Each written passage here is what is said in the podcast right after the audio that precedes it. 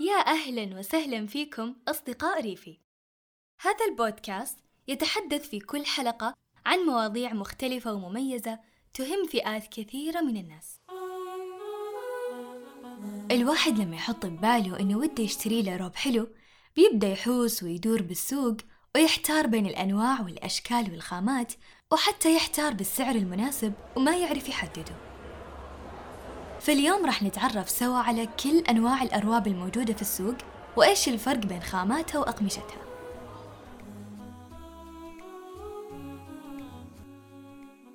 عندكم بالبداية نوع الأرواب المصنوعة من الفليس. الفليس يا طويلين العمر مادة تدخل في صناعة الأرواب ومصدرها البوليستر. يتميز بنعومته الرهيبة وإنه يشبه الصوف في كثير من المواصفات. لكن اللي يخليك تختاره أسعاره المعقولة ووزنه الخفيف حتى أخف من الصوف. ونصيحة على السريع. إذا جيتوا تنشفونه بعد الغسيل خلوه بعيد عن الشمس. أما الأرواب المصنوعة من الصوف الحلو في الصوف إنه يحتفظ بالموية داخله. يعني بيمتصها على طول وينشف جسمك على السريع. بس ممكن يصير الروب ثقيل بسبب الامتصاص هذا. لكن الحمد لله على نعمة التقنيات في الأرواب. تم دمج الصوف مع أنواع أقمشة أخرى تخلي وزن الروب الصوفي أخف. وفي الأجواء الشتوية راح يكون الصوف خيار مثالي لتدفئة الجسم. يعني مو شرط يكون للتنشيف. لا حتى تقدر تلبسه فوق ملابسك عشان تتدفى كويس. بنجي الحين لنوع قديم شويتين أرواب نسيج الفلانل أو ما يسمى بالفانيلا. الفانيلا مثله مثل الفليس والصوف يساعد في تدفئة الجسم. صحيح أنه الفانيلا نسيج قديم لكن الأرواب المصنوعة منه تكون كلاسيكية وأنيقة مرة.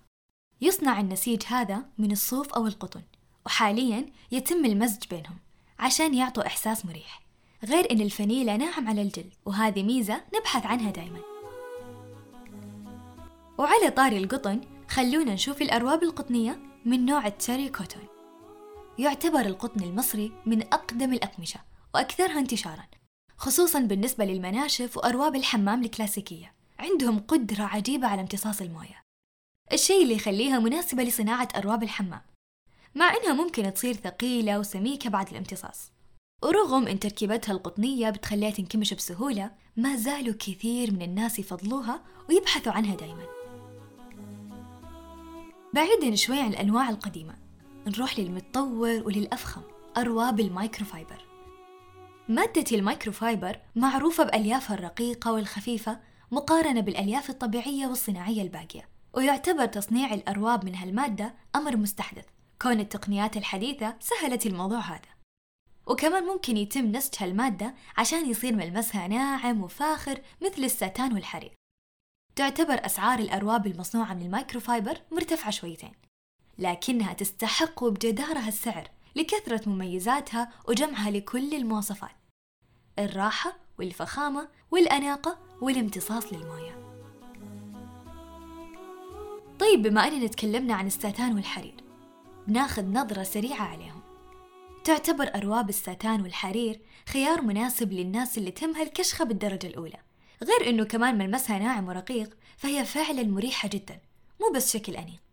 لكن يعيبها إنها ما تمتص الموية كويس على عكس المايكروفايبر وتحتاجك تدلعينها مرة وقت الغسيل وتطولين بالك عليها إذا كنت بتحافظين على نعومتها ورقتها. فلازم تغسلينها مرة كويس. غير كذا تزعل عليك وتتغير وما بتكون نفس الجديدة أبدا. ومسك الختام أنواع الأرواب الموجودة في ريفي. تتميز ريفي بصناعة أفخم أنواع الأرواب من مادة ال coral fleece المطورة والمصنفة ضمن الجيل الثالث من المايكروفايبر تتميز منتجاتها بهالأمور. قوة امتصاص رهيبة بدون ما تترك نقطة موية على جسمك. خفة وزن ما تخليك تشيل هم المساحة اللي بتحطها فيها. النعومة والرقة المطلوبة. وإنها ما تترك وبر في شعرك أو جسمك. إلى هنا أكون أعطيتكم لمحة عن كل أنواع الأرواب الموجودة في السوق. يلا الحين مالكم عذر تحتارون. أكيد صار عندكم خلفية وخبرة في تحديد الروب المناسب لكم. لو أنا متأكدة أصحابكم راح يصيروا يستشيروكم في هالموضوع. نشوفكم على خير في حلقات جاية. إلى اللقاء.